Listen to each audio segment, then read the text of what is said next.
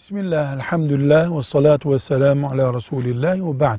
Konu şöyle, bir kadın evlenmiş, çocuğu olmuş, çocuğu olduktan sonra boşanmış, doğurduğu çocuğu da yanına almış. Başka bir Müslüman o kadınla evlenmek istiyor.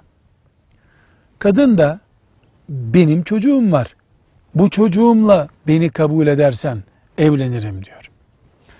Eğer onunla evlenecek şahıs tamam seni çocuğunla kabul ediyorum derse ve o kadınla evlenirse o çocuğa kesinlikle bakmak zorundadır. Bakması dediğine nafakasını verecek.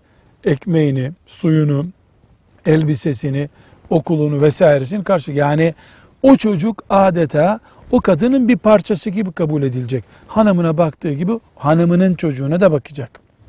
Hayır. Ben senin başkasından doğurduğun çocuğuna bakamam der. Kadın da peki madem bakmıyorsun der. Buna rağmen evlenirse onunla kadın bir hak iddia edemez. Neden? Zaten evlilik akdinde o çocuğa bakma diye bir söz yoktu. Efendilik yapar, insanlık yapar, merhametiyle bakar ayrı bir mesele. Kadının o çocuğu nasıl büyüteceği meselesi de ikinci bir konudur.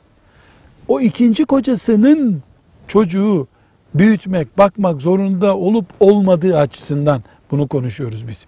Demek ki ikinci evlendiği kocası bu çocuğu bakarım derse bakmak zorunda.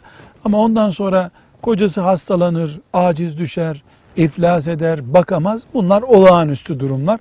Olağanüstü durumlar mahkemeye intikal eder, bilir kişiye intikal eder, hakem heyetine intikal eder. O şekilde çözülür. Velhamdülillahi Rabbil Alemin.